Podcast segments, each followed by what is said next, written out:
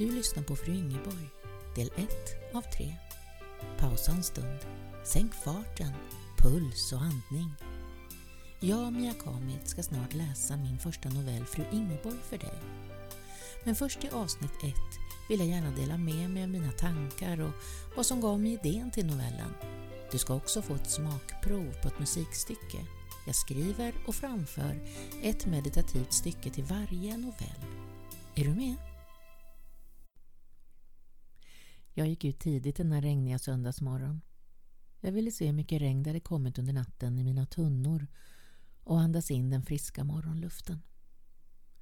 Det har ju varit en varm och torr vår och är man hobbyodlare som jag och brinner för allt som växer och gror kan i alla fall inte jag låta bli att gå ut och titta, lyssna och finnas till efter ett välbehövligt efterlängtat regn. Hör! Det var en av katterna som väckte mig. Milky Feet. Milky. Det ser ut som han har klivit i mjölk med alla fyra tassarna. Annars är han grå. Han är en mycket trevlig ungkatt. Ett helt år snart.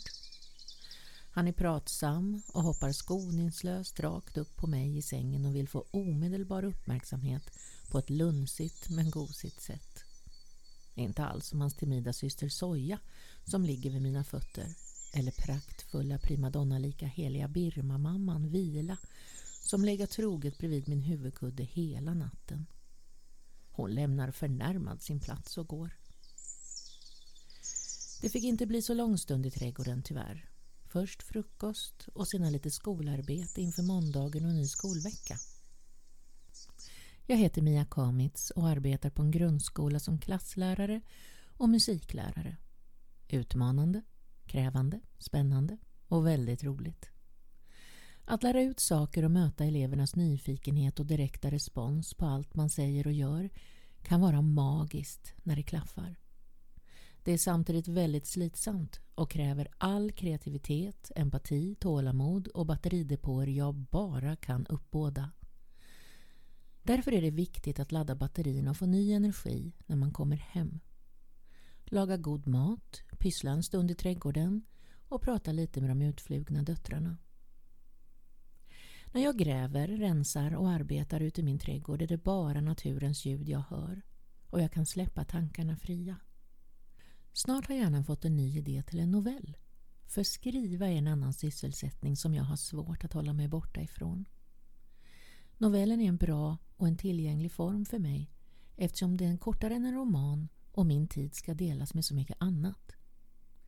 Små berättelser föds och växer fram precis som daggkåpa, sockerärtor, jordgubbar och tyvärr även kirskål i min älskade trädgård. Jag som alla andra får ta det onda med det goda. Somliga går på yoga, tränar eller liknande för rekreation och återhämtning. Jag håller mig hemma och kreerar. Jag kallar mig kreatör eftersom jag skapar från grunden allt jag gör. Musik är ett annat bra exempel. Jag kan må riktigt dåligt, känna mig stressad, utmattad och ledsen.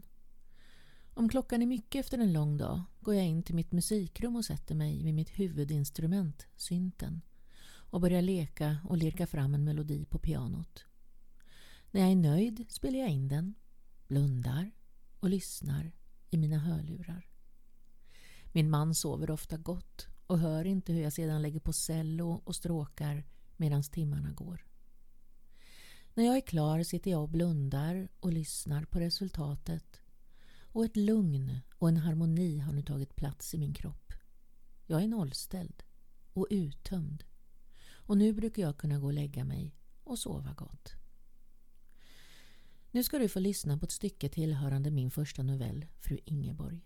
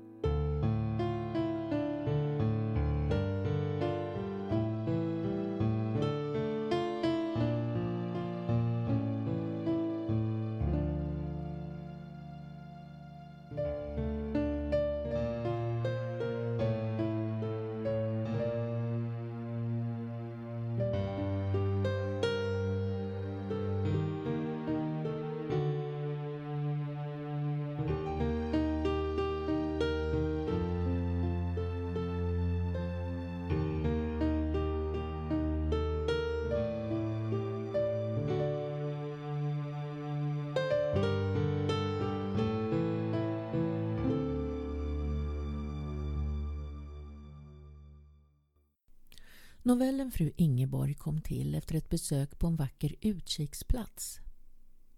Min man och jag tog en mc-tur och skulle fika uppe på ett berg med makalös utsikt och en restaurang på toppen. Ett ännu högre utsiktstorn kunde man klättra upp i och därifrån kunde man se hur långt som helst över de småländska skogsmarkerna där små och stora sjöar låg utkastade som glittrande små juveler. Jag fantiserade om att köpa berget. Bygga ett hus inkilat i bergväggen, lite som Bamses farmor på Höga berget. Ha sin trädgård på sluttningarna nedanför som Bilbo i det vackra fylke. Uppe på toppen skulle jag driva fru Ingeborg i min speciella regi. Inte låta gästen välja och vraka utan låta sig bli inbjuden av mig på mina villkor.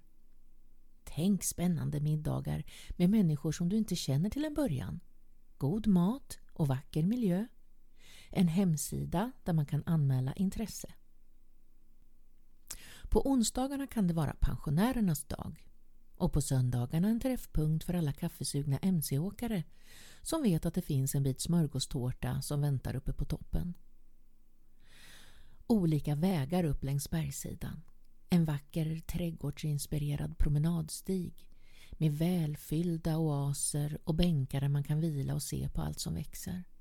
Och så en annan, barnvänlig, med kryp och klättermöjligheter, vatten och lekfulla överraskningar på väg upp emot krönet. En häftig idé, men jag kunde inte köpa något berg. Det fick bli en novell istället.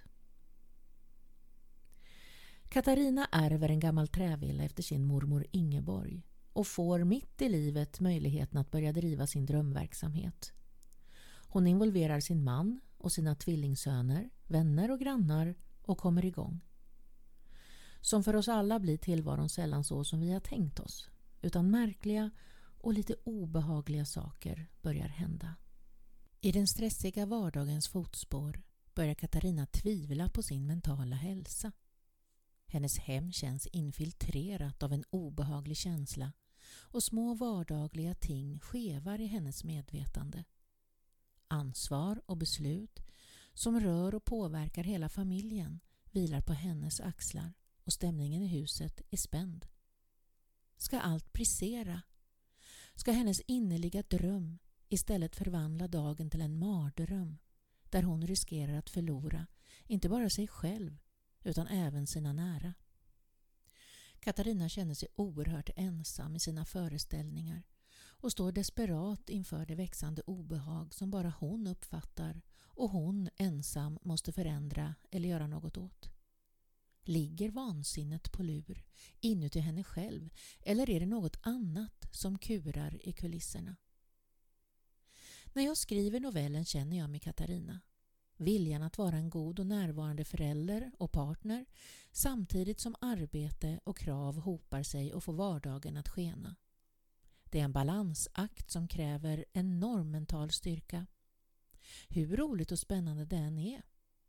Att ha förmågan att både styra och hålla skeppet flytande samtidigt som orostankarna bultar och återhämtningen kommer längre och längre ner på att göra-listan. Här känner jag igen mig och jag har inte svårt att föreställa mig hur lätt det kan vara att i ett sådant skede börja tvivla på om inte galenskapens lilla frö ändå inte kan slå rot och få fäste i mig. Tack för att du varit med så här långt. Lyssna gärna vidare i avsnitt två hur det ska gå för Katarina och fru Ingeborg. Må så gott nu och ta hand om dig så hörs vi snart igen. Hälsningar från mig, Mia Kamitz.